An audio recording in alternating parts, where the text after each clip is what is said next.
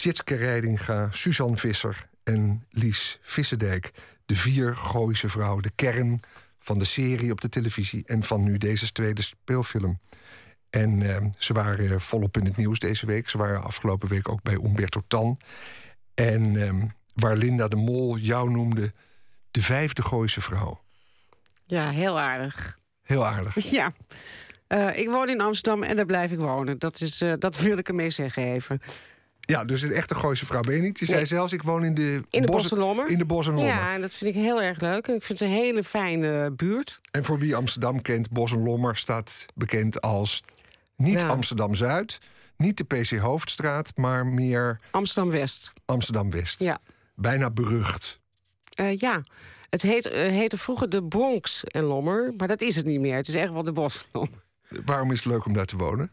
Nou, het is gewoon zoveel verschillende nationaliteiten. Uh, de Marokkaanse slager, stomerij, de, de, de pizza-courier, de, de, de Turkse bakker op de hoek. Het is echt van alles. En uh, zoals uh, afgelopen zomer met al het voetbal... dan hoorde je alle nationaliteiten door de tuin. Ja, dat is echt geweldig om mee te maken. Het is vlak bij de buurt waar Mohammed B., de moordenaar van Theo van Gogh, vandaan kwam. Ja, dat is Slotervaart. Het is dan toch weer ietsje, verder. verder. Ja. Maar er kwamen Amerikanen speciaal naar Nederland... om te onderzoeken wat voor een uh, enge wijken dat moesten zijn. Ja. En die vonden het prachtig. Die ja, dat lijkt mij ook. Heel veel groen, niks aan de hand. Nee, nee. Over de actualiteit gesproken. Um, ja, als je de vijfde Gooise vrouw bent en genoemd wordt... dan ben je eigenlijk een beetje familie. Dan maak je niet alleen een familiefilm, maar je, het klinkt alsof je ook familie bent. Nou ja, laat ik zo zeggen dat wij het eigenlijk al door met elkaar doen. Uh, Linda, uh, we wilden eigenlijk geen Gooise Vrouwenfilm 2 meer maken... want we hadden zo'n succes met één wat we niet hadden verwacht. Dus we dachten, ja, met twee, wat moeten we nog vertellen? Uh, tot, zeg maar, twee jaar geleden had Linda plotseling een idee. Die zei, Wil, god, wat vind je hiervan? Toen zijn we naar Frank Houtappels gegaan, de scenario-schrijver... We zijn bij elkaar gekomen, een aantal sessies bij Linda thuis. En daarna hebben we het aan de vrouw voorgelegd... om te vragen of ze weer wilde. Nou, die vonden het geweldig. En zo is eigenlijk Gooise Vrouwen 2 ontstaan. Klinkt als een familie. Ja, het is het ook. Ja. Het zijn ook mijn vriendinnen, dat klopt. En die actualiteit is nu dat Linda de Mol, uh, die bedreiger, die is ja, getra getraceerd. Ja. Voelt het voor jou als een op opluchting? Nou ja, ik vind het heel erg fijn dat mijn vriendin, want het is het toch wel, die zo uh, enorm in de piepzak heeft gezeten. En uh, het is heel naar om bedreigd te worden, dat dat over is. Dus ja. ik ben heel blij voor haar. Nou, ik hoorde eerder Charles Groenhuizen zeggen een paar uur geleden op deze zender van niet te veel over praten, want het is alleen maar irritant. En dat kan het alleen maar weer aanmoedigen, zulke praktijken. Ter introductie even van jou, Wil Koopman. Uh, je bent geboren in 1956. Je hebt al heel veel uh, verdiensten. Je werkt sinds de jaren 90 als regisseur. Bijvoorbeeld regisseerde je de politieserie Bureau Kruislaan... de serie Vrouwenvleugel... bekroond met de Gouden Televisierring... die later ook weer voor Gooise Vrouwen kwam. De dramaserie Baantje heb je nog gehad. Gooise Vrouwen op tv trok elke week anderhalf miljoen kijkers. Gigantisch succes. Um, in 2009 ging je eigen speelfilm terug naar de kust in première. Met bekende acteurs, ook als Linda de Mol, Daan Schuurmans, Pierre Bokma. Uh, ook dat was een enorm succes. En sinds maandag dus Gooise Vrouwen 2. Hoe was je week? Uh, eigenlijk heel erg leuk. We hadden een uh, geweldige première maandag. Uh, Waar je niet bij was, want je wil daar nooit bij zijn. Nee, ik zat in de foyer met een scherm. En dat was heel erg leuk, want ik zat heerlijk in mijn eentje... en ik vond het wel heel erg fijn. In de laatste tien minuten ben ik de zaal ingesleurd door iemand... die zei, je moet nu gewoon de zaal in. Klaar. Dus ik heb de laatste tien minuten meegemaakt... en ik dacht echt, wat gebeurt er? Want iedereen was enorm aan het lachen of aan het huilen. Want of... waarom wil je er niet bij zijn? Ja, ik vind het toch heel erg moeilijk. Ik vind het heel moeilijk om te merken dat mijn vrienden of mijn kennissen... misschien niet lachen op de momenten dat ik graag wil dat ze lachen... of uh, stil zijn. En dan ben ik altijd bang dat ik het toch niet goed heb gedaan. Dus ook denk ik een soort faalangst. Dat ik denk, ik wil het allemaal niet horen. Ik heb het afgeleverd, maar ik wil niet horen hoe iedereen reageert. Je bent wel bij de ladies... Night geweest, De ja. Ladies Night geweest, wat is dat? Dat, is, uh, dat organiseert Pathé en JT uh, Wolf, uh, Wolf, dus de bioscoop-eigenaar organiseren dat. Dan, dat is echt alleen voor vrouwen op woensdagavond, dan komen allemaal vrouwen bij elkaar. Ik was in Hoorn, dat was met zes zalen voor Gooise vrouwen. Ehm, iets van uh, 300 uh, vrouwen per zaal, dus iets van 1800 vrouwen waren. Nou, daar heb ik dan de loterij mee gedaan en, uh, en gepraat met ze na afloop van de film. En uh, het was ontzettend leuk om mee te maken hoe ze reageerden. Ja, want het is natuurlijk. Het, ja, die film die moet een miljoenen publiek trekken. En er is een enorme merchandising rond. reclame. het tijdschrift De Linda staat bol met advertenties of met stukken die gerelateerd zijn. Uh... Nou, laat ik eerst zeggen, het moet geen miljoenen... dat weet je nooit hè, van tevoren. Wij dachten bij de vorige nou ja, als we 500.000, 4, 500, zou het leuk zijn. Dat werd 1,9. Maar ja, of je dat nu weer gaat doen, dat weet ik begot niet. En dat, en dat is ook misschien helemaal niet nodig. Het hoeft het niet te zijn omdat de investering niet zo heel groot is? Nee, maar ik denk niet dat je van zoiets uit kan gaan. Natuurlijk is de investering wel groot, want dat, dat is gewoon zo. Film is gewoon duur. Maar um, je kan niet zomaar van dat uitgaan dat het weer zo'n succes nee, is. Maar dat Wordt. is natuurlijk de bescheidenheid die je nu aan de dag ligt. Maar tegelijkertijd moet gewoon ja, die film erdoor. Nou ja, je hoopt gewoon... Kijk, als er in de kranten staat... grootste vrouwen gaat het filmjaar weer goed maken... dan hoop je toch wel dat je dat gaat doen, ja. Ja, nou, ik zag in de Volkskrant... ging het over het ouderschminken van uh, de vier actrices... Want er zit een deel in van de film die speelt in 2040. Het zit in de verhaallijn met een, eh, dus een ja. toekomstvisie. Um, en de Volkskrant die dacht, daar gaan we leuk over schrijven... over hoe je Linda de Mol uh, over twintig jaar schminkt. En daar stond onder... afbeeldingen van de verouderde kast worden nog niet vrijgegeven... door de distributeur van de film. Ik dacht, ja, dat is natuurlijk onderdeel van ook toch nou een ja, soort marketingbeleid. Ja, precies. Uh, we hebben het heel lang stil kunnen houden. Want we hebben die opnames gemaakt in februari. En er zit ook een opname bij uh, met een optreden van Martin. Ja, ik vond het echt geweldig dat we tot, tot die tijd, tot nu toe, al door hebben kunnen stilhouden. Dus nu komt het een beetje, beginnen mensen erover te twitteren en te schrijven. Ja. Uh, en uh, we hebben het ook niet verwerkt in de making-of, die al een paar keer is uitgezonden op RTL hebben ook die beelden juist uitgelaten. Dus die gaan nu een beetje ja. vrijkomen. Ja, dus, ik, begrijp het en er is ook niks mis mee. Want nee, je moet, een beetje ja. verrassing houden. Als je het hebt over Martin, dan is dat de volkszanger Martin Morero... Ja. gespeeld door Peter Paul Muller. Uh, de, de volkszanger, de André Hazes-achtige figuur die de man is. De echtgenoot van een van... Uh, van, van, Cheryl. van Cheryl, die gespeeld wordt door Linda de Mol. Um, dit was ook de week van de kritieken. Gelezen? Nee, ik ben op een gegeven moment opgehouden. Want toen uh, werd het me echt te dol. En toen uh, ben ik ermee opgehouden. Wat werd je te dol? Nou, er is één recensie geweest die ik eigenlijk heel erg kwetsend vond. En ik wilde verder eigenlijk niet zo over praten. En daarna heb ik gewoon niets meer gelezen. Nee. Was dat de. Er waren ook goede kritieken. Er waren ja. Cinema.nl, waar ja, de VPRO aan, aan, VPRO, aan bijdraagt. Ja. Die, uh, die zei van uh, een snelle komische film, goed, goed gemaakt, veel vaart erin en avontuurlijk. En ik denk dat jij dan doelt op de kritiek in NRC Handelsblad. Ja. Uh, en jij wil er niet over praten, maar nee. ik wil er wel over praten. Ja, maar ik wil er eigenlijk niks over zeggen. Want ik vind het echt heel erg kwetsend voor al die mensen die daar mee hebben gewerkt. Voor de acteur, um, voor de scenario-schrijver die alles geresearched heeft. Um, en ik wil er eigenlijk gewoon niet over praten. Nee, want uh, is geschreven door Dana Linsen. En die verwijt uh, de makers het gebruik van stereotypen die zij hinderlijk vindt. He?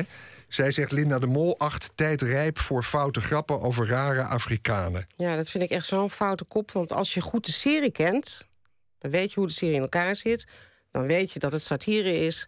Ja, en als je dan dit schrijft, ja, en, en daarom nogmaals, daarom wil ik er eigenlijk niet over nee. praten. Omdat ik gewoon.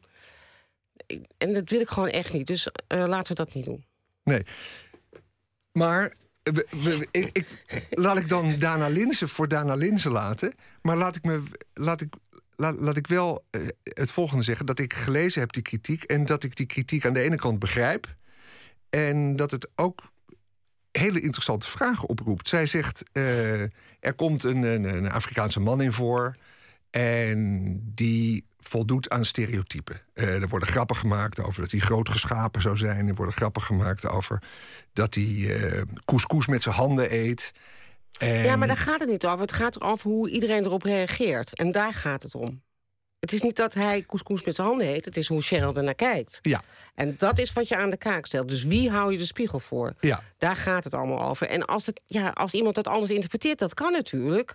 Maar dat is niet de bedoeling van ons geweest. Laat ik dat voor opstellen. Nee. En daarom zeg ik, en laten we het dan nu over ophouden... want ik vind het gewoon niet prettig. Nee, nee ja, maar wat je niet prettig vindt... Ja, dat, dat, dat heb jij niet... Dat begrijp ik wel. Ik, maar ik vind, ik, ik vind het... eh, Kijk, eh, ik dacht... Nee, maar er zijn heel veel mensen die eh, graag hierover willen praten. En ik heb het gevoel dat, er, dat ze dan uit zijn op een rel. En ik heb er geen trek in. Want het is... Ik heb er gewoon geen zin in. Nee, meer. maar het is wel interessant om te bespreken hoe een comedy, wat het Ja, het is natuurlijk een is... comedy en het is een satire. En dat een satire natuurlijk eigenlijk altijd gebruik maakt van stereotypen. Ja.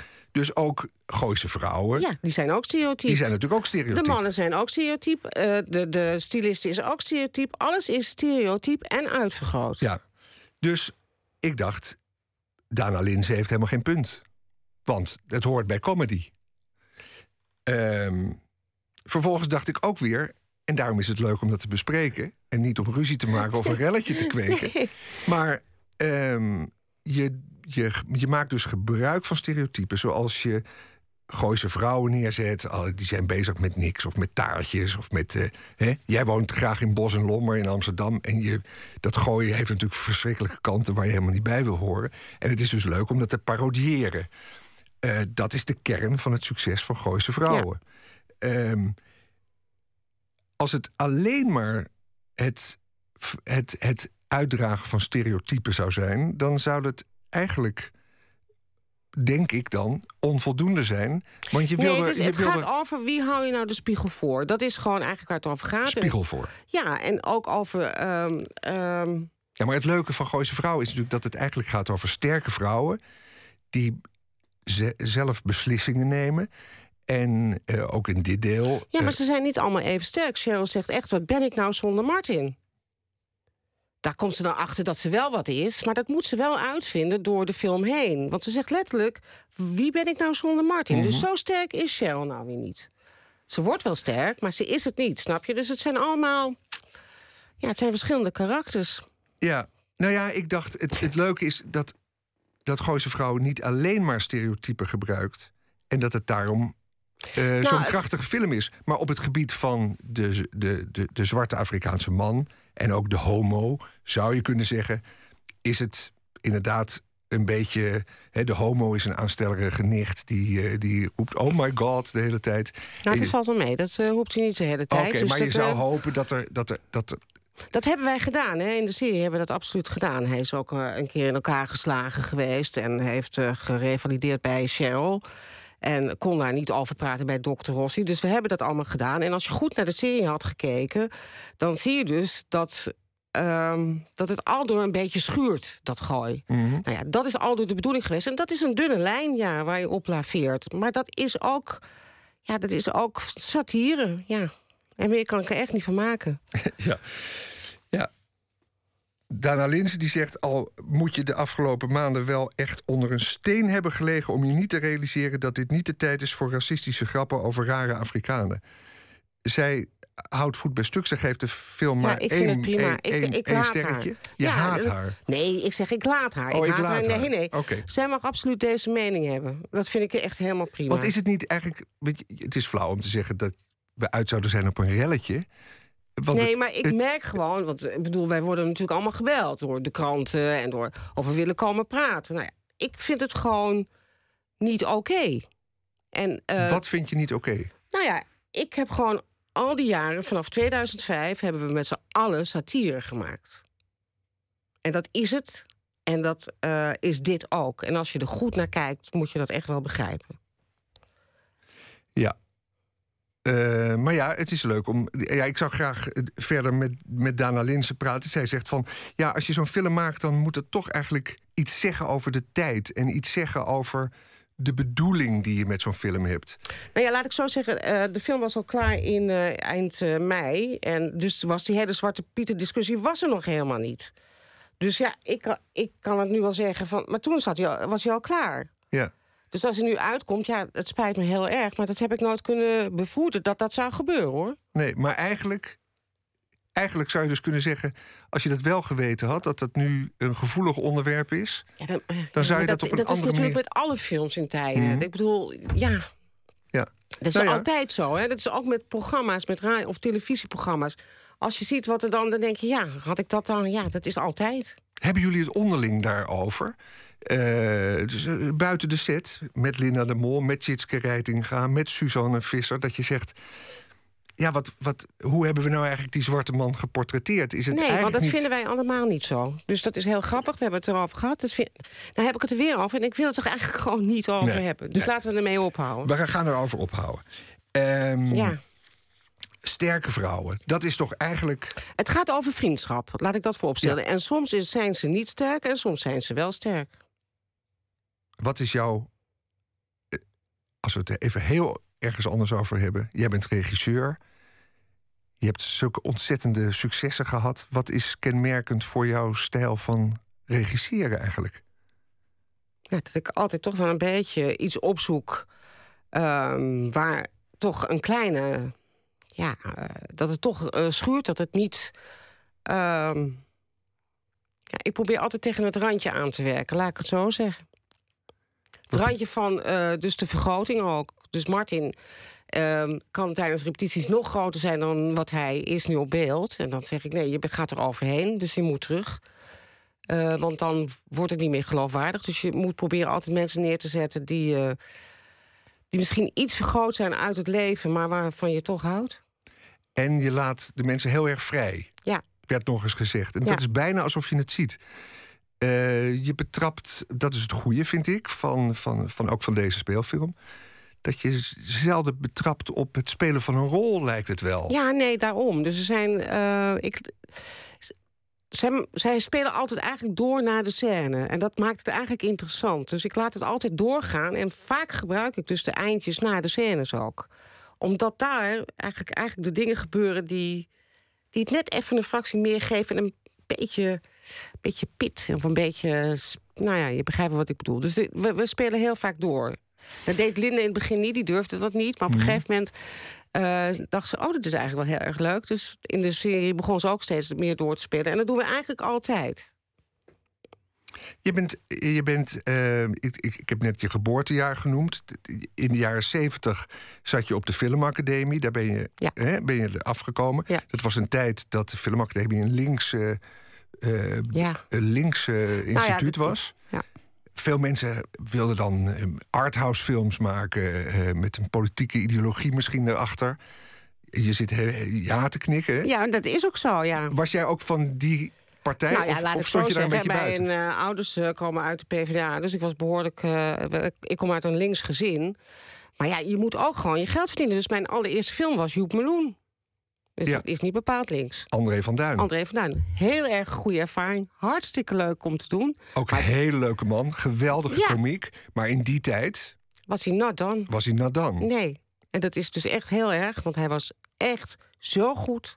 Zo ijzersterk voor die camera. En nog steeds. Ik bedoel, eh, dus dat was not done. En ik heb ook wel... Heb je Ik- enig idee waar het vandaan komt bij jou dat je, ja, dat je toch die kant koos? Dat je dat, dacht van, bedoel je dan de commerciële Nou, kant? dat, ja, dat je dacht, dat je, dat je dacht eh, die, die piketpaaltjes die daar zijn getimmerd, daar ga ik gewoon niet aan voldoen. Ik ga. Ik, ik wil wel een commerciële film maken, want daar is nee, want eigenlijk ik niks wil mis gewoon mee. echt eh, films maken waar mensen graag naartoe gaan. Misschien is dat het. En ik zeg helemaal niet dat mijn eh, arthouse vrienden dat niet doen. Want ik vind dat er hele mooie films worden gemaakt. En ik vind helaas dat er te weinig mensen daar naartoe gaan.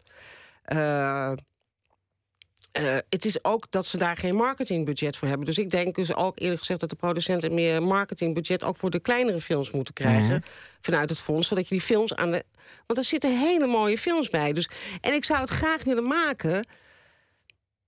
Maar ik, ja, ik vind juist zeg maar, de crossover tussen dat art en dat commerciële. En dat je dan toch gewoon. Dat je ehm, iedereen naar de bioscoop kan krijgen. Ja, dat vind ik toch wel heel erg leuk om te doen. Ja, en dat nee. was natuurlijk ook al met baantjes zo. Met vrouwenvleugel en met kruislaan. Dat waren natuurlijk toch gewoon. Daar keken mensen graag naar. En ik denk dat dat toch gewoon in me zit. Dat ik het leuk vind om voor een groot publiek dingen te maken. Als je dit soort interviews voorbereidt, dan kijk je altijd van wat deed de vader of wat deed de moeder. Die was en vuilnisman. En je vader was vuilnisman. Ja. Dat is echt het beroep wat eigenlijk op de maatschappelijke ladder Ja, heel laag. heel laag staat. Ja. En wat eigenlijk model staat van als je je best op school niet doet, dan kan je altijd nog vuilnisman worden. Ja, dat Eigenlijk- was zo hè, in die tijd. Ja. Ehm, hij is heel vroeg overleden. Ja. Is dat van invloed? Heeft dat je gevormd? Ja, zeker. Want ik heb me heel lang geschaamd voor mijn vader. Omdat eh, ik op de lagere school moest ik eh, zijn beroep zeggen. En, eh, dus ik zei vuilnisman. Nou, de hele klas begon te lachen. Dus ik heb dat jarenlang ook niet gezegd. Ehm, en toen overleed hij. En ik schaamde me eigenlijk voor dat ik dat nooit zo niet had gezegd. Snap je wat ik bedoel? Dus hij overleed net vlak voordat ik Dat je het nooit tegen hem had gezegd? Ja, nou ja, ik, nee, want hij, ik had een geweldige vader. Eh, ik bedoel, echt liefdevol. Wij konden alles doen naar de muziekschool wat we wilden. We konden echt. En hij was gek op films. Ik ging met hem naar IT en mijn moeder hield van toneel. Dus ja, ik bedoel, wat dat er gaat, had ik wel heel erg veel cultureel. Ze gingen altijd naar Toon Hermans of snap je? Dus eh, dat was altijd hun uitje van het jaar naar de nieuwe show van Toon Hermans. Dus ze hadden, we kregen veel cultureel, eh, eh, hoe heet? Eh, Bagage. ja, bagage mee. En wij moesten echt lezen. Mijn moeder vond echt belangrijk dat we heel veel lazen.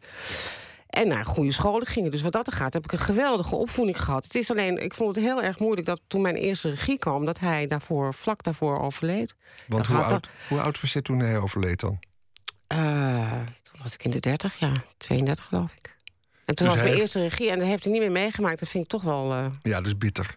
nou, vind ik heel sneu, ja. Ik vind het jammer. En soms, zoals nu, vind ik het heel jammer dat hij er niet is. Zou je kunnen zeggen dat je eigenlijk door die vader al heel vroeg... ja, misschien is het psychologie van de Nee. koude grond... Ik vind het niet erg. Dit vind ik nou niet erg. maar al heel vroeg geconfronteerd werd met vooringenomenheid... en dat je daar eh, een hekel aan hebt, hebt Ja, overgehouden. Ja, aan mensen met vooroordelen. En men- ik heb een hekel aan mensen met vooroordelen... en ik heb een hekel aan mensen in hokjes planten. Dus als je commerciële dingen doet... kan je nooit een artistiek ding doen. Ik vind het dus gelul, als ik heel eerlijk ben. En ik, en ik vind het dus ook ik vind het dus heel benauwend... Ja. dat je allemaal in hokjes wordt geplaatst hier. Ja, ik, ik denk dat je daar helemaal gelijk in hebt. En dat hij hoort dat hokjesdenken is natuurlijk eh, ja, dat vind ik verschrikkelijk. dodelijk. Ja. Aan de andere kant, eh, Dana Linzen, die een gerespecteerde criticus is... zeggen van, ja, ik wil er niet over praten, want ze is nou heel negatief. Nee, dat is het niet. Het is niet negatief, het is kwetsend. Mhm. Ik kom uit een links gezin en een beetje racistisch worden neergezet... vind ik kwets- kwetsend. Ik vind het gewoon kwetsend. Heb je gedacht om er wel op te reageren en te zeggen van, hoe kan dit? Nee, echt niet. En ik ga het ook niet doen ook. Nee. Nou, Dana Linzen heeft dus een gerucht maken. Het is wel dé manier om de aandacht erop te vestigen op deze manier. Want iedereen die denkt nu, wat heeft die Dana Linzen nu over Gooise Vrouwen deel 2 gezegd? Ja, ik, eh, ik, eh, ik zeg... Ehm niettemin, ehm, ja, een interessante discussie. Het toont ook aan, want dat heeft deze film wel een heel klein beetje... door die zwarte man die daarin zit... en door hoe er, die grappen die erover gemaakt... het maakt een beetje ouderwetse indruk. En helemaal niet erg, maar de tijd verandert natuurlijk... en ook de manier waarop je eh, bijvoorbeeld over Zwarte Piet denkt... maar bijvoorbeeld ook over... Ja, je, je zit ernaar te kijken en ik heb het een hele leuke film gevonden... maar ik dacht wel van... Ja, het is een beetje ouderwetse manier van, eh Ja, ja, dat van kan, humor. ja, maar dat is misschien, ehm, misschien hoe de meisjes daar naar kijken. Want het gaat over hoe zij reageren natuurlijk. Ja. Het is gewoon dat Claire dacht, ik vind het leuk om haar in te vlechten. Nou, ik vind het te erg, snap je? Ik bedoel, nou, bij wijze van spreken kan je er zo ook over denken. Ja. Dus je kan ook met... Het is maar hoe je oog staat als je er naar kijkt, Ja. denk ik. Wil Koopman, ehm, ontzettend leuk om je ontmoet te hebben. Prachtig dat je hier was, midden in de nacht. De film Gooise Vrouwen zal nog heel veel over gesproken worden. En dat is marketingtechnisch alleen maar heel goed voor de film. Oké. Heel leuk dat je er was. Dank je wel. Het loopt tegen ene en dat betekent eh, dat we naar het nieuws gaan luisteren. Ik meld nog dat wij van Nooit meer slapen u graag uitnodigen om met ons uw favoriete muziek, boeken en theatervoorstellingen van het afgelopen jaar te delen. Een top 3, een top 10. Het mag allemaal. Ook alles door elkaar, alles mag, zolang het maar met cultuur te maken heeft. Dus je kunt er Gooise Vrouwen op zetten. En ook de nieuwe Herman Koch. En ook eh, de herdruk van Harry Moelis, weet ik het. Alles mag. Stuur uw favorieten op naar nooitmeerslapen.vpro.nl en maak kans op een boekenbon van 25 euro. In de week voor kerst besteden we in dit programma dan aandacht aan die lijstjes. Straks, na het nieuws, gaan we verder met het tweede uur van Nooit meer slapen. En dan spreken we hier onder andere met Anne de Meester over een paar bijzondere tentoonstellingen in Brussel. En ik ga haar ook vragen uh, wat zij vindt van het overlijden van haar koningin Fabiola. Dat en meer straks na het nieuws van 1 uur.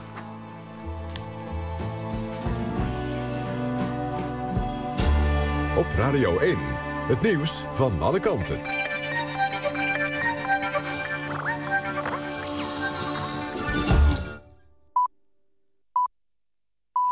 1 uur, Ewout de Jong met het NOS-journaal. In België komen van over de hele wereld condolences binnen... na het overlijden van koningin Fabiola. De weduwe van koning Boudewijn overleed gisteren in Brussel. Ze was 86 jaar. Koning Willem-Alexander, koningin Maxima en prinses Beatrix... hebben volgens de Rijksvoorlichtingsdienst met groot verdriet kennis genomen... van de dood van koningin Fabiola. De Spaanse koning Felipe en koningin Letizia hebben in een telegram hun medeleven overgebracht. De Spaanse Fabiola werd in Madrid geboren. Het gemeentebestuur van Motril in het zuiden van Spanje... heeft voor morgen een dag van rouw afgekondigd. Fabiola had daar een vakantieverblijf. In New York wordt opnieuw onderzoek gedaan naar een agent die een ongewapende zwarte man heeft doodgeschoten. De onervaren politieman schoot op 20 november een man van 28 dood.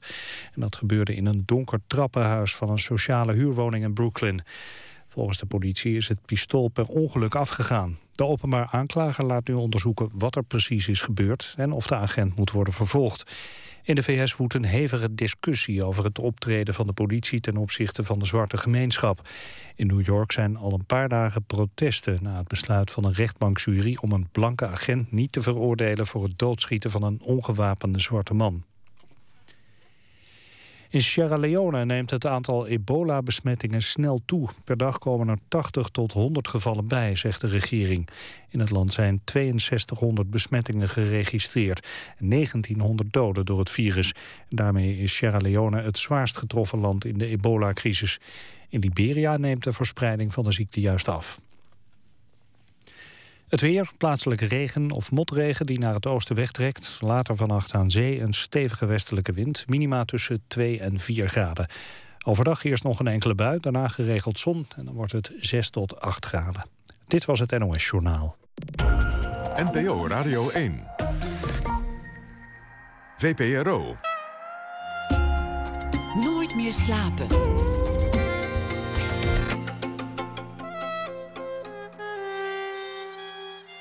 Met Anton de Goede. Welkom terug bij Nooit meer slapen. Wat brengt ons dit uur? Straks onderzoeken we de toverformule van componist John Williams... die eerder verantwoordelijk was voor de muziek van onder andere Jaws... Indiana Jones en Harry Potter. Ook in de nieuwe Star Wars en Jurassic Park is zijn muziek weer zeer bepalend. En we praten met regisseur Ricky Reineke over haar bekroonde speelfilmdebuut Silent Ones... Een verstild, poëtisch portret van een jonge Hongaarse die nadat haar broertje is verdwenen een surrealistische reis met een bulkschip onderneemt om een belofte aan hem na te komen. Maar we beginnen dit uur, zoals gebruikelijk, met een schrijver of dichter die reageert op iets wat er in de wereld is gebeurd. En voor de laatste keer deze week doen we dat met schrijver Jamal Ouariachi. Goedenavond. Ik noem nog even enkele titels van je. De vernietiging van Prosper Morel, Vertedering. Samen met David Pefko en Daan Heerma van Vos publiceerde je ook de trilogie 25, 45, 70. Allemaal waar. Allemaal waar. Een trilogie met twee andere schrijvers schrijven. Ga je dat nog een keer doen? Of dacht je van eens en nooit meer? Nou, wie weet, nee, het was geen slechte ervaring. Uh, het is uh, heel plezierig eigenlijk. En uh, ja, ik zie, ik zie met die heren, ik weet niet of dat een trilogie zal zijn... maar ik zie nog wel mogelijkheden om in de toekomst nog eens een keer een projectje met één van beide of allebei eh, te doen. Ja, zeker. Ja. Oké, leuk. Het was een, eh, een boek over seks ook. Hè? Um, ja. Wat was het voor jou voor dag? Uh, een redelijk vrolijke dag. Sinterklaas? Sinterklaas. Ik heb het niet echt gevierd hoor, maar het, ik, er zat wel wat in mijn schoen. En verder was het dan ja, ja. Wat zat er in je schoen? De uh, zeurkalender van Peter van Straten. Ah. Dus dat levert weer een heel jaar mooi vrolijk gezeur op. Dus dat, daar kan ik alweer naar uitkijken. Ja, Peter van Straten. Dat, fantastisch. Maar goed, leverde dat een goede bijdrage op die je nu aan ons gaat voorlezen? Nee, die kalender niet. Nee, nee, nee. Ik heb de, mijn uitgeverij gaat verhuizen, uh. En dat is op zichzelf uh, niet heel wereldschokkend nieuws. maar er zit wel een zekere historie achter. ze zitten aan een mooi pand aan het Singel in Amsterdam, Singel 262, met een aantal andere uitgeverijen, Neigen van Ditmar, de Arbeiderspers, Atheneum Pollak en Van Gennep. En dat is een pand met een ja, vrij roemruchte literaire geschiedenis. Want jouw uitgever is? Querido. Querido. Ja, ja legendarisch adres, single 262. Ja. ja, het is zelfs een boekenreeks geweest. Het is uh, ja, een, een, een uh, echt een naam op zichzelf. Los van die uitgeverijen die daar onderdeel van, uh, van uitmaken. Ja. Maar dat heeft natuurlijk ook te maken met dat al die grachtenpanden waar de literaire uitgevers zaten. Ja, dat is allemaal veel te duur geworden, want er wordt te weinig verkocht. Ja, ja, ik weet niet of zozeer of dat het nou is. Kijk, al die, die uitgeverijen van Single die maakten deel uit van het WPG-concern. En grote concerns, dat is volgens mij altijd uh, slecht nieuws. Um, en die hebben op zeker moment dat pand gewoon maar in de verkoop gegooid. En in de nasleep daarvan hebben toen die uitgeverij besloten... nou, we gaan zelfstandig verder. Dus die hebben zich van de, het juk van het grote concern vrijgekocht. En uh, beginnen nu... Uh, ja, in een nieuw pand. En op zich is dat hartstikke mooi, maar het is wel ja, met een zekere weemoed dat er afscheid wordt genomen natuurlijk van het single. NRC die heeft uh, vanavond een, eh, een hele bijdrage. Hoe overleef je je eigen uitgeverij? Over de nieuwe koers en over, uh, over Paulien Loerts... die veel investeert in die uitgeverijen op te kopen. Nou, we, we, zijn benieuwd ehm, je verhaal te horen. Vertel. Een ode aan Single 262. De pelgrim van de letterkunde heeft het heiligdom bereikt. Vele tempels uit de loopbaan van de mensheid zijn ruïnes geworden. Op deze plek staan tenminste nog de muren overeind, maar binnen is het leeg. De priesters zijn gevlucht. In de verlaten gangen en zalen waren geesten rond. Er ruisen stemmen in het donker, zware stemmen, lichte stemmen, hilarische en filosofische. Als je goed luistert, hoor je het zachte schuifelen over het marmer van timide debutantenvoeten. In een kamer met uitzicht op de gracht klinkt het gulzig krassen van een vulpen onderaan een boekcontract. Een manuscript ploft hoopvol op een deurmat. Verderop, in de zaal met gebroken spiegels, klinkt gekakel en gelach van de genodigden... die op eindeloos veel presentaties eindeloos veel eerste exemplaren van hand tot hand zagen gaan kraamvrouwen, hun handen besmeurd met rode inkt, tonen de nieuwe zuigelingen aan het publiek. Een mitrieus geratel van champagnekurken stijgt op. Maar zodra de pelgrim zijn blik scherp stelt en zijn oren spitst, verdwijnen de beelden en geluiden. Waar zijn ze heen, die priesters van weleer? Verbannen door heidenen die meenden dat je gedachten in biljetten kunt vangen. Hun leiders, winst, poen en geld onderwierpen de heilige boeken aan economische analyses. Hoeveel kost een personage? Hoeveel lidwoorden moet je verzamelen om tot een euro te komen? Weemoedig verlaat de pelgrim het spookhuis.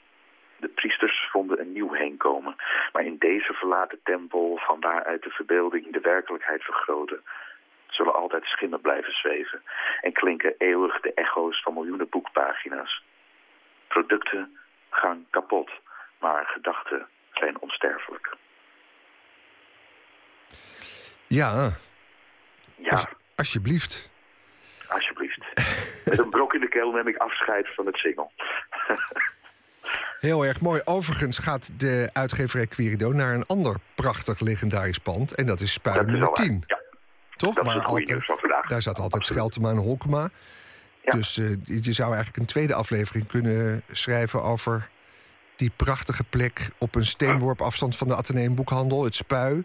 Eigenlijk het, het literaire plein van Nederland misschien wel. Ja, met, met uitzicht op de vrijdagse boekenmarkt. En ja, dat was een juichend verhaal dan, als ik dat zou doen. Ja, ja.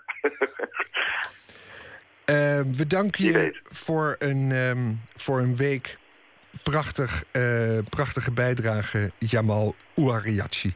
En uh, we horen je graag in een andere keer weer, uh, weer met je bijdrage. Helemaal goed. Het gaat je Fijne nacht nog. ja, dankjewel. Oké. Okay. En wij gaan hier luisteren naar de Amsterdamse singer-songwriter Dotan. Brak drie jaar geleden door met zijn debuutplaat Dream Parade. En zijn nieuwe plaat is getiteld Seven Lawyers. En gaat onder zeer veel meer over herinneringen, dromen en verlangens. We gaan luisteren naar titelnummer Seven Lawyers.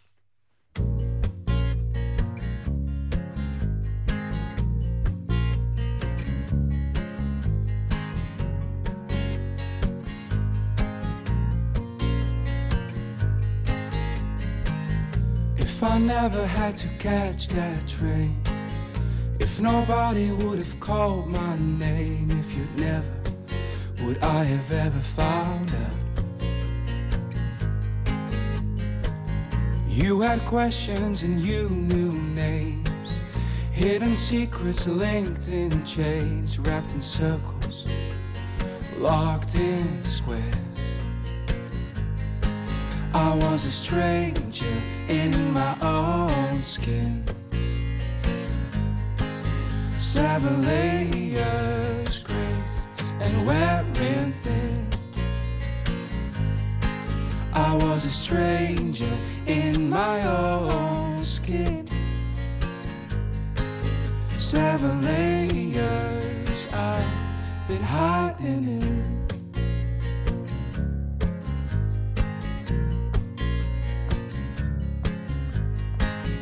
Father's eyes and my father's smile I couldn't tell, I was just a child missing memories, replaced by doubts. Speaking tongues into my ear, told herself what she had to hear, but did she ever think I'd never find out? I was a stranger in my own skin seven layers graced and wearing thin. I was a stranger in my own skin. Just seven layers I've been hiding in. Spinning round and round in circles, time me like a ball of string running around in all your secrets, one by one unraveling. I was a stranger in my own skin. Seven layers graced and wearing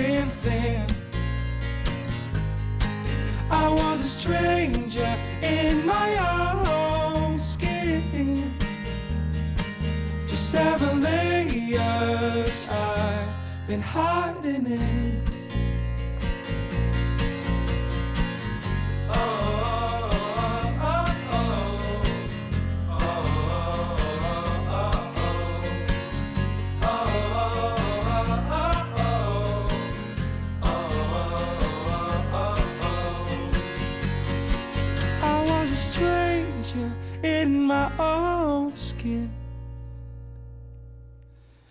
Seven layers I've been hiding in. I was a stranger in my own skin. Seven layers I've been hiding in. Zanger Dotan in het titelnummer van zijn tweede album. Nooit meer slapen. Als we aan de grote namen in de filmwereld denken, denken we toch vooral aan acteurs, actrices, regisseurs. De grote namen die de posters sieren. John Williams is ook zo'n grote naam, al zegt de naam u misschien niets. U heeft het werk van de Amerikaanse componist zeker gehoord. Films als Saving Private Ryan, Harry Potter, Lincoln en nagenoeg elke andere blockbuster waar u het toontje van mee kan neuren, komt van zijn hand. Maarten Westerveen sprak met componist en Williams-liefhebber Bart van der Lisdonk. Afgelopen week werd de nieuwe Star Wars trailer getoond. Miljoenen fans zagen beelden die ze aan de oude films van weleer deden denken. Lasers, X-Fighters, dat werk. Maar waar het nou echt om gaat, blijft ongewis... totdat het scherm even zwart wordt en het geluid even stilvalt. En dan...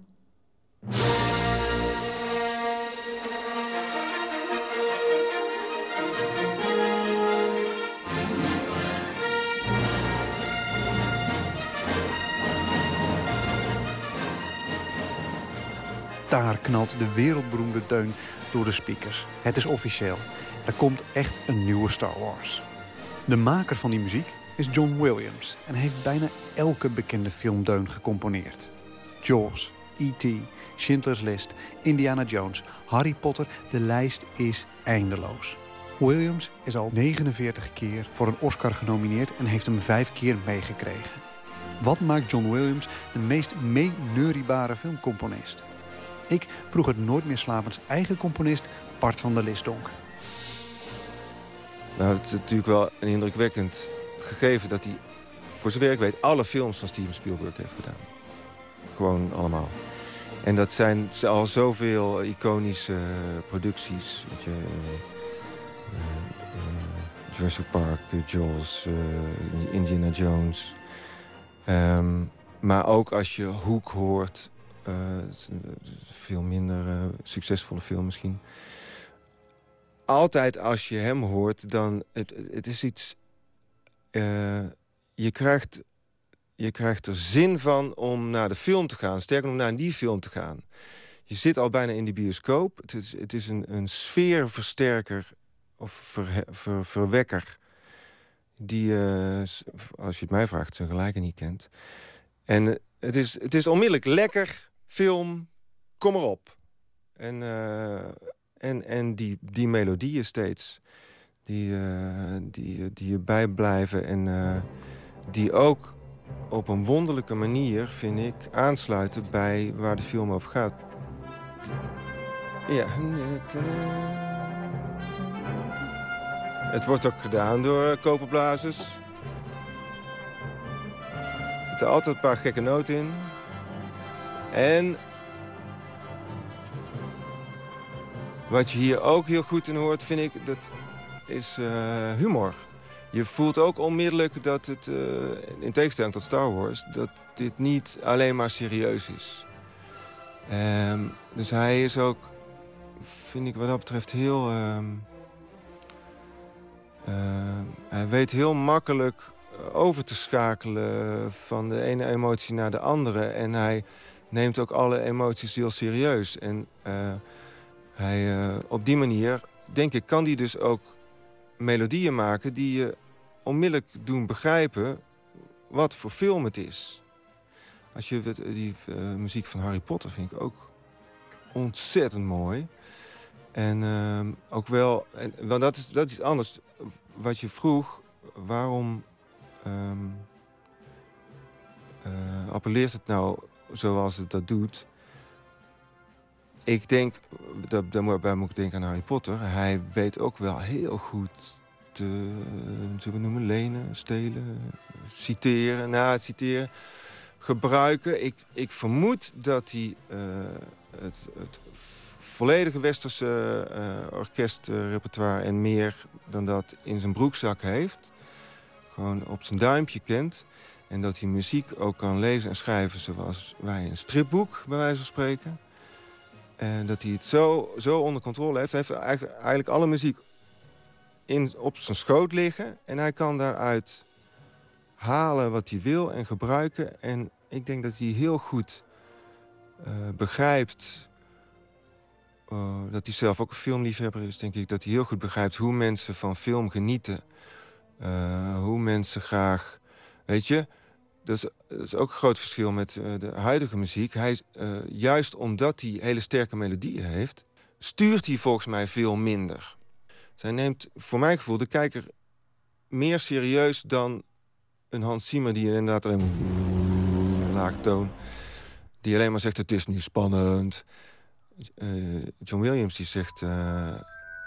Ja, er is, er is hier een verhaal aan de hand met, met mensen. En, emoties en karakters en uitdagingen en conflicten. En, en dat met een melodie kan je zeg maar, een verhaal in die film laten klinken... wat je niet per se ziet op dat moment. En dat is een verrijking, denk ik, die, uh, die kan ik verschrikkelijk waarderen.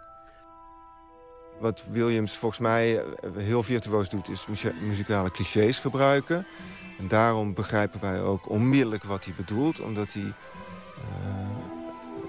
muzikale stijlfiguren gebruikt die we allemaal kennen, die in ons collectieve bewustzijn zit.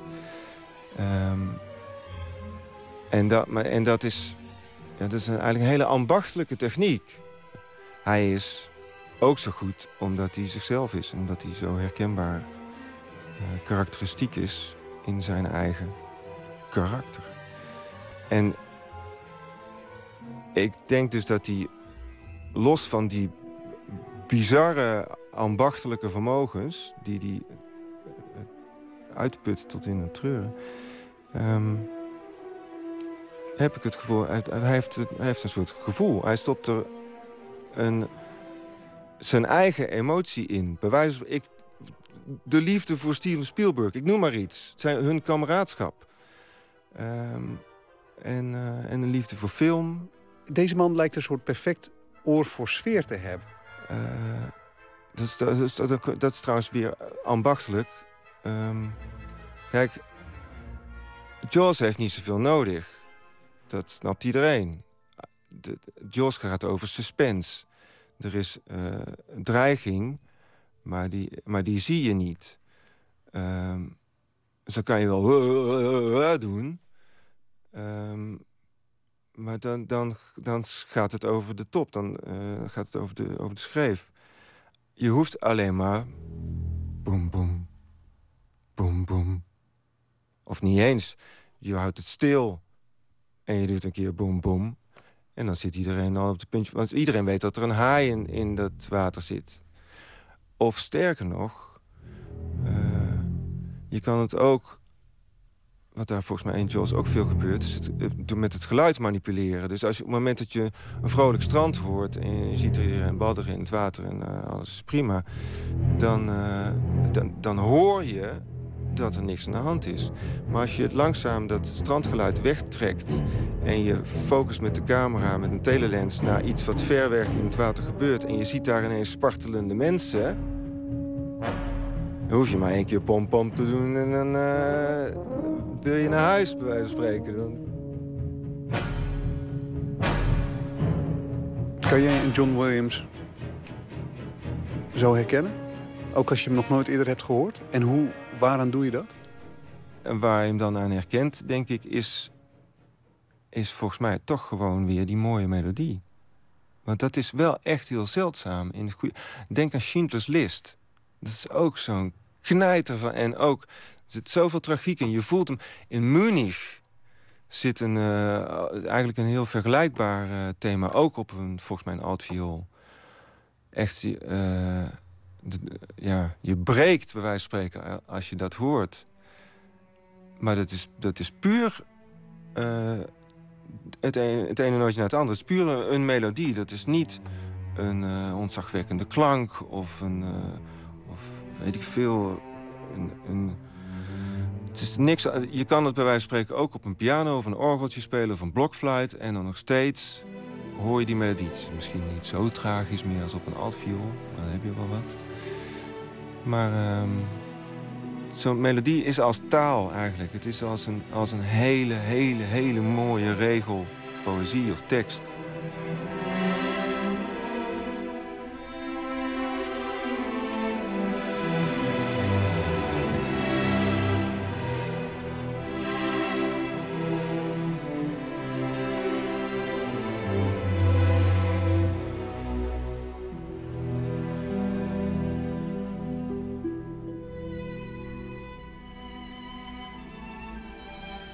Componist Bart van der Lisdonk, maker van de filmscores voor films als Kankerleiers en De Dood en het Meisje. Trouwens, hij is ook verantwoordelijk voor de tune van dit programma Nooit meer slapen. Maarten Westerveen hoorde u een gesprek met hem over de Amerikaanse filmcomponist John Williams. Wiens werk dus binnenkort weer is te horen in de nieuwe Star Wars en Jurassic Park. Son Little is de artiestennaam van Aaron Livingstone, die zich muzikaal gezien laat inspireren door blues en hip-hop. Your love will blow me away when my heart aches. When my heart aches, I'm drowning, pain won't go away. And in my cups, brown fills my brain, won't go away. These five yellow girls out on parade asphyxiate. Still stuck in a cage, trying to ply my trade, won't go away. And I'm afraid your love will blow me away. Am I dumb? Oh, cause I numb the pain. Am I just another runaway? Yeah. When shadows creep across my floor, won't go away. You've had enough, but still one more won't go away. My engine gun gunning thunderbirds asphalt won't erase. Still trapped in a box, trying to clear my name, won't go away.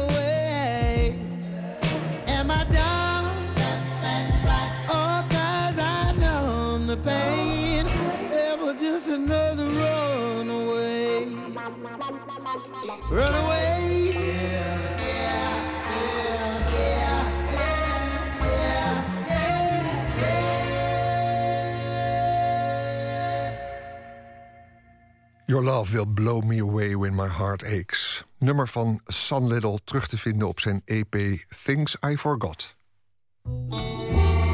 Nooit meer slapen. En dan nu, iedere vrijdag rond dit tijdstip bellen we voor een culturele tip met een van VPRO's smaakmakers. Vandaag doen we dat met Anne de Meester, directeur van het Frans Hals Museum en van De Halle, beide in Haarlem. En zal het dus gaan over beeldende kunst. Goedenacht, Anne. Goedenacht, Anton. En eh, voordat we het over kunst hebben, wil ik toch graag even weten: je bent kunstcritica, museumdirecteur, maar je bent ook geboren in Brugge en je bent dus Vlaamse. En zo laat als het is, wil ik je vragen wat je voelde toen je hoorde dat koningin Fabiola is overleden. Ja, dat is heel dubbel. Want koningin Fabiola is, ik bedoel, wat de Nederlandse pers er nu van maakt, is dat ze een hele geliefde koningin was. Maar eigenlijk werd ze in België vaak de kwezel genoemd. Kwezel. De kwezel. En de, de extreem godvruchtige vrouw die eigenlijk niet zoveel met het leven en met de werkelijkheid heeft. En dat is ook een beetje mijn gevoel. Ik vond Fabiola een, een vrouw die heel afstandelijk was of heel erg ver van het leven van alle dag stond. En eh, als iemand sterft wil je alleen eigenlijk maar goede dingen zeggen, maar zij was een soort icoon, ook toen ze nog leefde. En ze was niet echt een vrouw waarbij je toenadering zocht of waarbij je iets van een gevoel had, maar meer een soort, ja, een icoon. Eigenlijk iemand die al een soort beeld was voor ze gestorven was. Ja, ik, wat dat ik, klinkt niet heel erg positief, hè, maar ik denk ook van... Ja, dat, dat was ze eigenlijk wel. Het was iemand die heel erg onwerkelijk was. ja, want ik was in 1993... ah, zat ik een half jaar in Brussel, in de zomer... en toen overleed koningin, of koning Boudewijn. En Ja, dat toen stonden er lange rijen voor het paleis. En er- dat was net een sprookje. eh, Ja, ik denk, ik denk dat het toen iets heel anders was. Want eh, in België heb je vooral een soort nationaal gevoel als er eh, iemand overlijdt die dat Belgisch zijn symboliseert. En dat was koning Boudewijn wel. Want hij was een hele zachtaardige man die aan de ene kant politiek heel problematisch was, maar in de uiterlijke verschijning, wat hij voor mensen had betekend, was het iets zachtaardigs. Terwijl Fabiola is denk ik toch iets afstandelijk. Eh, en ik vraag me af, ik bedoel, ik ben nu natuurlijk een soort nederbel geworden. geworden dus eh, misschien voel ik er minder bij, maar ik denk van ja, het is altijd treurig als iemand overlijdt. Maar bij haar heb ik zoiets van ja, het is het Koningshuis oude stijl. Ehm, Juist. Nou, ehm, en, en, en je, voor, je denkt ook toch dat, er, dat België nu niet in rouw ge- gedompeld zal worden... zoals dat bij Boudewijn wel het geval Nee, was. dat denk ik niet. Nee. Want eh Boudewijn was toen een soort symbool van het Verenigd België.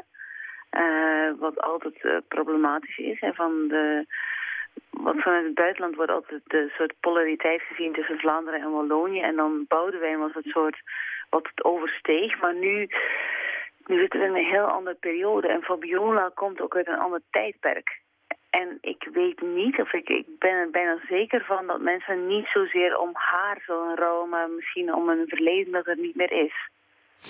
Oké, goed. Nou, we gaan het zien de komende dagen... want er komt natuurlijk veel publiciteit rond. Ja, ik hoop dat ik er verkeerd ben. Ja, oké. Ze had trouwens, las ik in de Vlaamse krant De Tijd net op internet... eh, een creatieve kant. Ze, ze, ze schreef ook sprookjes. Eh, dus Ja. ik dacht van misschien heb je wel iets met. Met, je, weet, je, bent, je wilde het over Brussel en exposities al daar hebben vanavond. Ja, maar eigenlijk had het heel weinig met Fabiola te maken. Dus ze komt er een beetje tussendoor. Ze is de actualiteit, of haar overlijden is de actualiteit. Maar ik wil heel graag het hebben over twee tentoonstellingen. Eén is in Beaux-Arts, het Palais de Beaux-Arts het, eh, in Brussel. En het andere is in Wiels. Dat is eigenlijk het hedendaagse kunstcentrum in Brussel. En die twee tentoonstellingen hebben wel en niet met elkaar te maken. Nee, is wel grappig, want het is oude kunst en het is hedendaagse kunst. Ja, En dat is eigenlijk precies wat jij vertegenwoordigt... in enerzijds de Halle in Haarlem en het Frans Hals Museum. Ja, dus in die zin is het best wel subjectief. Want de tentoonstelling in Palais de Beaux-Arts, in Beaux-Arts gaat eigenlijk over de erfenis van Rubens. En Rubens is een beetje de Vlaamse tegenhanger van Rembrandt. En wat de tentoonstelling van Nico van Hout in eh Beaux-Arts probeert te doen... is aan te tonen dat Rubens niet alleen een iconisch figuur is uit de 17e eeuw... maar dat hij eigenlijk ook een blijvende invloed heeft gehad op de kunst... eh, door de eeuwen heen. Niet alleen in Vlaanderen, maar globaal gezien. Ja. Dus in de tentoonstelling wordt zowel een soort link gelegd met Kokoschka... als met ehm, meer glamoureuze 19e-eeuwse portretschilders. Eh, en wat er bijzonder aan is, is dat je in die tentoonstelling loopt als... Ik probeer me dan altijd te profileren als een niet-kenner. En dat je eigenlijk een hernieuwde kennismaking hebt met Rubens als een soort heel barokke schilder. Of, ik denk de meeste mensen kennen hem als een naaktschilder, voluptueuze vrouwen Ja. Of religieuze voorstellingen. En het wordt eigenlijk in de tentoonstelling bevestigd, maar er wordt ook aangetoond dat hij eigenlijk iemand was die niet alleen, hij was ook een diplomaat, die enorm veel politieke invloed had. Dat komt helemaal niet in de tentoonstelling aan bod.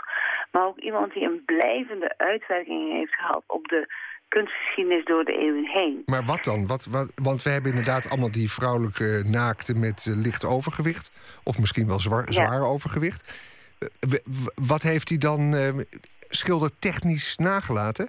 Ja, dat wordt in de tentoonstelling eigenlijk een beetje in het midden gelaten. Want als ik er naar kijk van, ik ben nu uiteraard heel erg geïnteresseerd in van wat schilders in de 17e, 18e, 19e eeuw invloed hebben op het nu.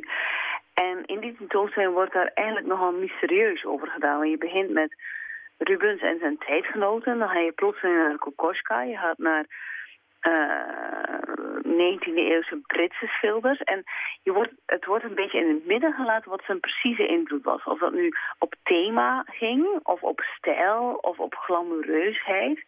Dus eigenlijk als je iets kunsthistorischer wil uit afleiden... is de tentoonstelling onbevredigend. Maar als je het als een soort totaalervaring wil, dan is het heel erg verleidelijk. Want je wordt eigenlijk aan de hand genomen om te denken dat Rubens de schilder van de voorbije vier eeuwen is. Dat hij absoluut dominant was, belangrijker dan Picasso, belangrijker dan Rembrandt. En in die zin vind ik het een heel gesofisticeerde tentoonstelling, omdat hij eigenlijk de kunstgeschiedenis vervormt. Juist. Hij, hij doet je alleen maar kijken van het perspectief van Rubens. Oké, nou dus dat uh, gezegd hebbend in Bozar klinkt uh, ook wel weer de moeite waard als je veel oude mooie schilderijen wil zien. En verder wordt Rubens een beetje misbruikt en chauvinistisch vanuit Belgische kant behandeld. Zo zou ik het willen samenvatten. Dus, ja. ja, eigenlijk je stelt het op een meer stellige manier dan ik het zou doen, maar het is eigenlijk wel het geval. Oké, nou en dan heb je Mark Lecky in Wheels. Wie is, ja, Mark Lecky is wel een bekende naam, maar tegelijkertijd zullen heel veel mensen denken: wat maakt die man? Ja, wat maakt die man? Ja, Vertel. Is, voor, voor mij is hij een jonge kunstenaar. En toen ik er een week geleden in de tentoonstelling was... had ik het ook de hele tijd tegen mijn collega's over... Ja, die jonge kunstenaar Mark Leggy. En toen zei een van mijn curatoren... Zei, ja, maar hij is 50. Ja, ja, ja, ja. Dat is geen jonge kunstenaar. Maar wat hem jong maakt... is dat hij in de tentoonstelling Wiels... die iets heel bijzonders. Hij uh, hij maakt een soort inventaris waar hij allemaal aan denkt als kunstenaar. Dat is dan van Azteekse beelden tot uh, Tom de Cat. Hij, maakt een soort inventaris van wat zijn inspiratiebronnen zijn. En er is zowel Amerikaanse Disney-cartoons als eigenlijk uh, primitieve beelden uit Mesopotamië. En hij maakt inzichtelijk, of hij maakt heel erg tastbaar hoe een kunstenaar vandaag de dag denkt. Hij zegt van een kunstenaar nu, die verzamelt allerlei JPEGs, die verzamelt allemaal digitale beelden van op het internet. En dat neemt hij als inspiratiebron. Wat Mark Lecky doet, is hij vertaalt het weer in driedimensionale beelden. Fantastisch. Ik, uh, ik, weet niet of ik dat goed uitleg. Nee, maar, maar je, je, je, je prikkelt wel ons nieuwsgierigheid. Uh, want ik moet je uh, hier bruut onderbreken, afkappen. ja, afkappen. Maar ik proef in je woorden, Mark Lecky, hedendaags kunstenaar, zei dat hij al 50 is. Maar zo kritisch zijn we ook weer niet. Britse kunstenaar die toch een grote naam heeft... en die nu een grote expositie in Brussel heeft. En als je daar een aantal sterren voor zou moeten geven... hoeveel zouden het er zijn? Vier. Sterren. En Rubens ik krijgt... wil het ook helemaal kopen. Als ik het geld zou hebben... Dan zou je het van Frans Hals Museum in de Hallen... koop ik die hele tentoonstelling. Nou, en mensen moeten even googlen Mark Lecky... want het is, uh, het is avontuurlijk om te kijken. Videobeelden. De, de titel is De betovering van het alledaagse. En er is veel avontuurlijks uh, mee te maken, denk ik... om daar rond te lopen. Uh, Anne de Meester, ontzettend bedankt voor, jou, voor jouw bespreking van Rubens... de oude man en de hedendaagse Engelsman in Wheels. Dankjewel, we gaan naar Brussel. Heel fijn. Doe dat vooral. Oké, okay, goeienacht. Dag Dankjewel. Anton. Dag. Dag. En er is muziek nu. In oktober overleed reggae-pionier John Holt... oprichter en zanger van de Jamaicaanse ska-band The Paragons. Met hen nam hij in de jaren 60 het nummer The Tide is High op. Dat 20 jaar later wereldbekend werd in de versie van Blondie. Maar we gaan nu luisteren naar het origineel. The Paragons, The Tide is High.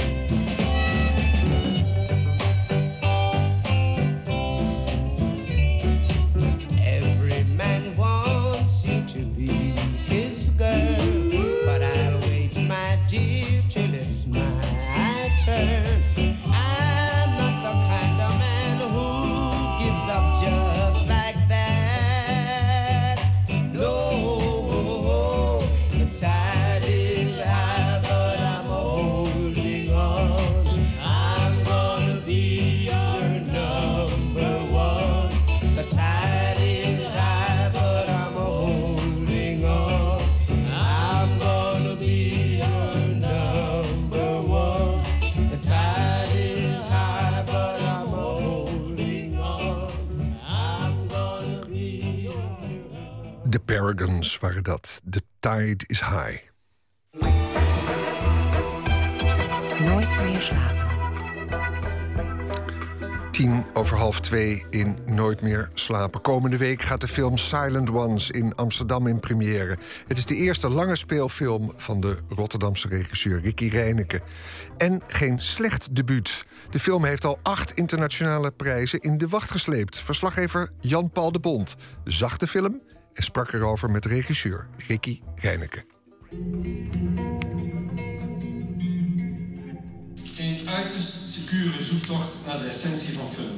Met als narratieve basis enkel en alleen een vrachtboot op zee. Nergens wil de film de kijker goedkoop behagen. Telkens kijken naar iets dat hard en streng is, maar toch verwonderd en ontroerd. En ik denk dat de winnaar al weet dat het haar film betreft. De winnaar is Silent Ones van Ricky Reinke. Je bent eigenlijk een soort eh, zegentocht aan het doen langs allerlei festivals met deze film.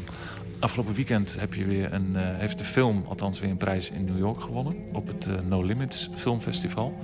Was je daarbij? Ik was er niet bij, maar inderdaad, het is begonnen met uh, Tijgercompetitie hier in Rotterdam. Internationaal Filmfestival. En sindsdien is het eigenlijk, uh, ja, is de film heel de wereld over gegaan. Van uh, Sarajevo, Sao Paulo, Rio de Janeiro, Moskou, noem maar op, Italië. En uiteindelijk heeft hij, geloof ik, iets van um, acht awards inmiddels gewonnen. En dat is, laatst is in New York No Limits inderdaad. Dat is nogal wat voor je eerste, voor je eerste echte speelfilm. Ja, ik ben er heel blij mee. Het is natuurlijk een hele mooie start. En voor deze film heb ik een nog korte film, Wing the Fish That Talk Back, gemaakt. Um, ja, grote stap natuurlijk meteen naar een speelfilm. Maar wel gewoon echt geweldig.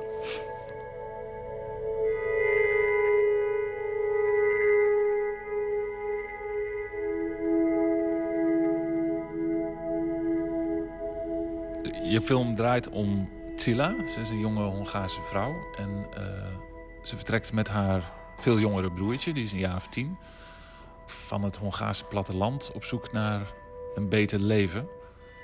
Veel meer van haar achtergrond krijgen we eigenlijk niet te weten, is ook niet zo nodig. Um... Ik denk dat Sila een, een uh, jonge Hongaarse vrouw is, inderdaad, die een uh, bepaald verlies niet kan verwerken. Ze verliest haar broertje tijdens uh, auto-ongeluk. En vervolgens gaat het eigenlijk over haar zoektocht naar haar broertje. Het is eigenlijk een soort rouwverwerking van iemand die ja, niet kan omgaan met haar verlies. En um, vandaar dat ook realiteit en fantasie in de film door elkaar begint te gaan, te mixen. Ze komt uiteindelijk terecht op een, uh, ja, een soort dodenschip, een uh, containerschip. En dan blikt ze eigenlijk terug op haar leven met haar broertje Isti. En hoe ze samen zeg maar, naar het westen gingen om de zee te zien. En hoe ze samen een gelukkig leven wilden leiden. Dat is eigenlijk wat Silent Ones is. Het is een bepaalde state of mind van Sila, het hoofdpersoon, zeg maar. Csend. A leghosszabb az életemben. Elvesztettem az eszméletemet. Nem lélegeztem. Shirichand wordt. Je hoeft niet per se een taal te verstaan om iemand te begrijpen, vind ik. Je kan gewoon op gevoel dat merken van hoe iemand het uitspreekt, is gewoon heel belangrijk. Második életem. Bajós csend. Rettenetes a csend. Mintha a világ megsemmisült volna, és szinte senki sem élne már. Wat is de overweging geweest om het in het Hongaars te doen, deze film? Nou, het is eigenlijk begonnen bij de hoofdactrice Orsi Tot. Ik vind dat ze namelijk heel erg goed eh, ja, gevoelens kan uitdrukken. Of zich sowieso goed kan uitdrukken door ja, met haar fysiek, met, eh, met haar lichaamstaal en met haar eh, gezichtsuitdrukking. En dat zocht ik eigenlijk ook voor eh, deze film. Maar dan heb je vervolgens wel een soort taalbarrière... waar je gedurende het hele maakproces eigenlijk doorheen moet. Dat vind ik niet. Ehm, we werkten gewoon, eh, sowieso spreekt zij Engels. Dus op de set eh, spreken we Engels. Dus dan kan je natuurlijk goed overleg eh, met elkaar hebben. Bij echt dialogen. Dan had ik een, vertaler. Ja, ik vind ook bijvoorbeeld dat film zeg maar, een eigen taal heeft. En die taal, je creëert eigenlijk een eigen universum in een film. En dat gaat eigenlijk ja, voorbij eh, talen.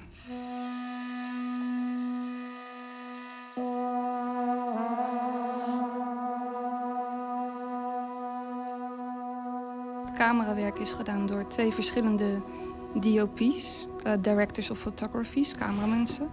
Omdat er sprake is van twee verschillende fases in, in die film, zeg maar.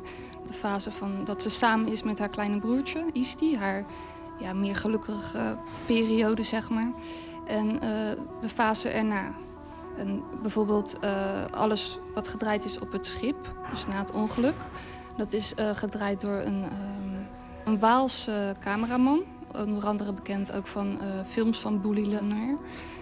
Ja, die draait wat claustrofobischer. Echt heel erg dicht op de huid. Heel erg ehm, ja, nauwgezet eigenlijk. En dat vond ik heel erg passen bij Verlies. En ehm, de periode dat ze samen is met haar broertje, Isti...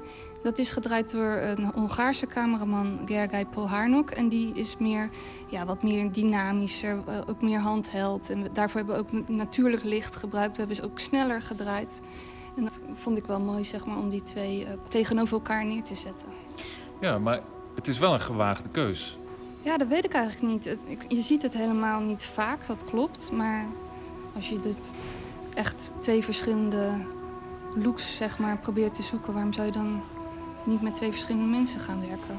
Uit angst dat het niet meer één geheel wordt. Snap ik, maar aan de ene kant vond ik ook... Ik heb heel lang gezocht naar twee DOP's die ook wel bij elkaar passen, zeg maar. Hallotta a fák suttogását.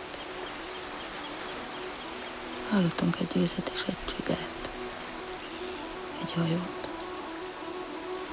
A fűben soha Hoe ben jij zelf op de set? Ik ben wat nodig is, zeg maar. Dus eh ene keer ben ik een monster, zeg maar. Andere keer ben ik eh, heel vriendelijk lief. Ik denk dat ik wel eh, probeer gewoon alles eruit te halen wat ik erin uit kan halen. Dat sowieso. Want het is niet bepaald het mensenteam wat je bij elkaar hebt gezocht. Ja, dat klopt. Ehm eh, Hongaarse cameraman, een Waalse cameraman. Op een gegeven moment hadden we geloof ik iets van... eh, ja, negen verschillende nationaliteiten op de set. Maar ook wel mensen met een enorme staat van dienst al. En dan kom jij je eerste speelfilm eh, regisseren. Met alle respect. Maar dan moet je wel je mannetje kunnen staan tegenover die mensen. Ja, dat klopt. Maar ik werk heel graag met mensen die, die mij inspireren, zeg maar. En vice versa. Dus een soort wederkerigheid. En dat maakt het ook eh, fantastisch natuurlijk. Maar moest je ze overtuigen? Nou, bijvoorbeeld de hoofdactrice Orsi Tot kwam ik tegen op het eh, filmfestival van Locarno. Daar zag ik haar. Eh, toen heb ik haar aangesproken of ze geïnteresseerd was in een eh, rol in- voor in mijn film.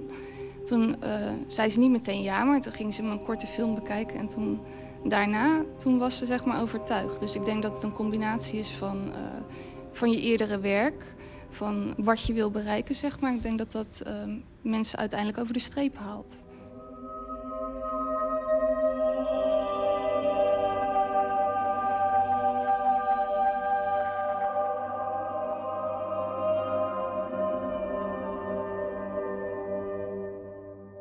het idee, het scenario, de regie, de montage. Je hebt eigenlijk van A tot Z bijna alles eh, in elk geval de leiding ingenomen. Hoe ga je dan te werk op het moment dat zich een idee heeft gevormd? Um, als ik het schrijf, mijn scenario of mijn script, dan ga ik al op zoek naar uh, locaties. Ga ik al uh, naar buiten echt om te kijken van waar wil ik uh, draaien. Zodat ik ook een soort idee heb. je kan wel van alles bedenken achter je bureau, maar je moet natuurlijk uiteindelijk wel dat kunnen verwezenlijken. En alles wat je achter bureau verzint, kan je soms helemaal niet ja, visualiseren. Dus ik probeer daar een soort van realisme in na te streven. En dat zijn stuk voor stuk ook locaties die je dan voordat je gaat draaien bezoekt om sowieso ideeën op te doen voor het hele verhaal. Ja, of uh, locaties die ik al ken, vanuit mijn jeugd bijvoorbeeld. Uh... En dan ga je in zo'n haven een beetje zitten mijmeren. niet, niet zitten mijmeren, ik ga ook concreet op zoek maar mijmeren in de zin van dat zich dan langzamerhand een verhaal vormt over haar binnenwereld, zeg maar. Want dat vertelde je is toch ook een samenspel met de locaties? Ja, een samenspel, dat is het goede woord. Ja. Je hebt al een bepaald idee en dan ga je op zoek naar uh, bepaalde settings en dat meng je dan met elkaar. Zo moet je het meer zien. Begin 2013 stond je uh, op het uh, Rotterdams Filmfestival. Wat is de reden dat dat hij nu pas in Nederland echt uitkomt? Ja, dat was eigenlijk dat men besloten had om eerst het internationale festivalcircuit af te lopen. En dan zou de film uitgaan in Nederland. En dat, uh, ja, op een of andere manier is dat na twee jaar uh, pas gebeurd. En moet je nu nog steeds allemaal uitleggen wat jouw oorspronkelijke idee bij die film was? Nou, eigenlijk wil ik heel graag gewoon weer verder. Dus je wil eigenlijk weer beginnen aan een nieuwe speelfilm. En daar helemaal 100 voor 100 procent voor gaan. Ik heb nu het gevoel dat ik steeds weer bezig ben met Silent Ones. Die film die achtervolgt me nu zeg maar al twee jaar. Terwijl ik maar vooruit wil gaan. Ricky Reineke in gesprek met Jan-Paul de Bond over haar film Silent Ones. Aanstaande woensdag in première in het Filminstituut AI in Amsterdam. En dit is Nooit meer slapen, waar ik u graag nog even attendeer op het volgende. Wij nodigen u graag uit om met ons uw favoriete muziek, dan wel boeken, theatervoorstellingen of wat ook maar van het afgelopen jaar te delen. Een top 3, een top 10, alles door elkaar. Alles mag, zolang het maar met cultuur te maken heeft. Stuur uw favorieten op naar Nooit meer slapen apenstaartje vpro.nl en maak kans op een boekenbon van 25 euro. En in de week voor kerstmis besteden we dan in dit programma aandacht aan die lijstjes. Wat daar niet op kan voorkomen is Father John Misty, het nieuwe project van Josh Tillman, die bekend is vooral als drummer van Fleet Foxes. Want dat album moet nog verschijnen waar ik het over heb. Begin volgend jaar het eerste album dat I Love You Honey Beer gaat heten. Nieuw project dus, waar wel al een single van is te horen. Een humoristische parodie op het bekende Bruce Springsteen nummer Bored in the USA.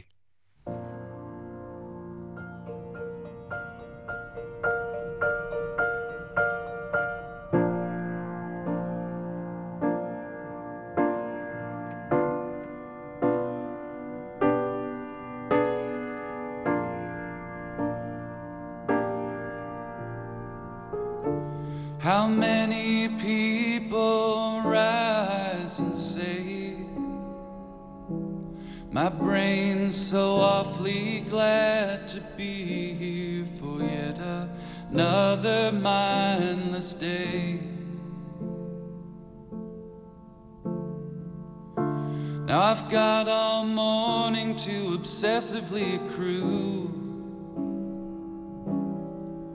a small nation of meaningful objects, and they've gotta represent me too. By this afternoon, I'll live in debt, and by tomorrow, be replaced by children.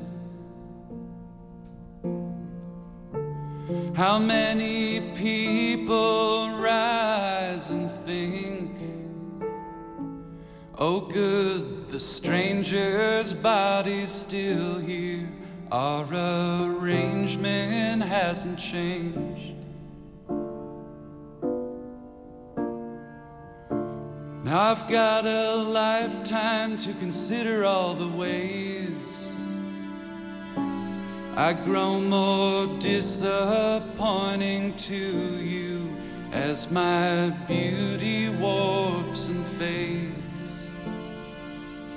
I suspect you feel the same. When I was young, I dreamt of a passionate obligation to a roommate. Is this the part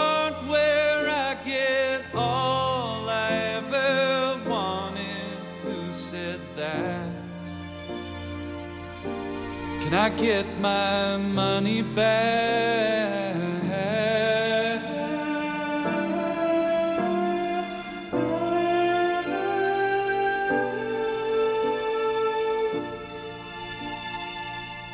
Just a little bored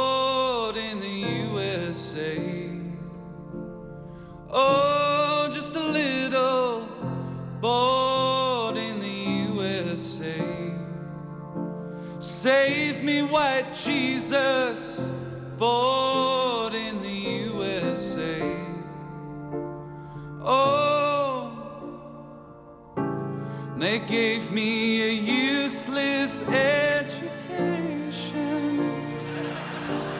a subprime loan, a craftsman home. Keep my prescriptions filled.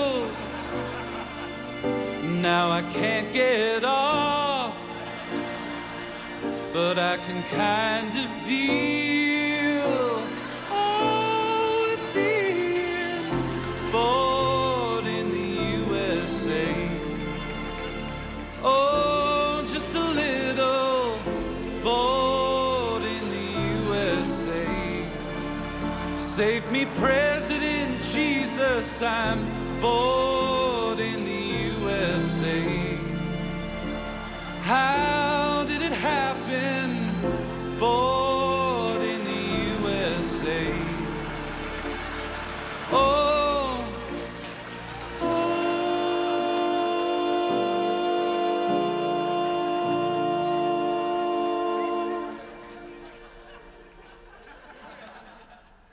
bevreemdend eh, nummer, deze semi-sarcastische protestsong... Board in the USA van Father John Misty. Het nieuwe project van Josh Tillman. En daarmee zit deze editie van Nooit meer slapen er bijna op. Maandag is er een nieuwe editie. Dan komt Paul Hane, cabaretier, schrijver, langs. Volgende week, vanaf volgende week speelt hij weer een maand lang de wintervoorstelling... Dolman brengt warmte en Gremdaad wijst de weg. En we gaan eh, horen striptekenaar Jean-Marc van Tol. Daar bezoeken we mee de Riot Club, een film over de Engelse korpscultuur. Tijdens zijn studie Nederlands ontmoette hij bij een Amsterdamse studentenvereniging Bastiaan Gelijnse en John Reed, met wie hij in 1993 het duo Fokke en Sukke bedacht. En kun je verliefd worden op een computerprogramma? Die vraag wordt ook gesteld. Allemaal maandag. Straks op deze zender Woord, eh, eveneens VPRO, waar ja, nu eh, presentator Maarten Westerveen van is aangeschoven om te vertellen wat we gaan horen. Woord, uit de archieven opgeduikeld. Onder wat, andere. Wat onder wordt het. Maarten? Er zit Vertel. trouwens ook weer eh, hartstikke nieuw materiaal tussen. Maar we gaan het straks hebben over provo's, pubers en papiervisjes. En die hebben één ding gemeen, ze werken niet mee. Provo's, pubers en papiervisjes. Precies. Dingen die niet meewerken, dingen die tegenhangen, dingen die protesteren. Die, gewoon dingen waar je je voet tegen stoot. Zo Dingen, gezegd. mensen, vissen. Alles, alles wat tegenzit, tegenliggers. Het is dus, wat je straks gaat horen is een verzameling mensen, dingen en dieren... die op de een of andere manier tegen de haren instrijken. Want we hebben natuurlijk het heerlijk avondje gehad. Nu is het tijd voor al wie stout is. Geweldig. En dan eh, brengen jullie altijd een thema aan. En met dat thema gaan jullie de archieven in van Hilversum. En dan duiken jullie van alles op. Dat kan een documentaire zijn, een interview uit een belprogramma. Noem eens iets van wat we kunnen verwachten. Nou, we hebben straks onder andere Dubbelisjes. En dat is zo'n kinderprogramma van de Varen. En ik moet zeggen, die oude belprogramma's waar pubers en kinderen hebben mogen bellen... dat is fantastisch. En dat ga je straks zo horen in het volgende uur. En nog vijf uur lang, want we zijn er tot zeven. Maarten Westerveen presenteert Woord zo dadelijk. We gaan nu luisteren of er om twee uur midden in de nacht nieuws is. En Nooit meer slapen is er dus maandag weer. Tot dan.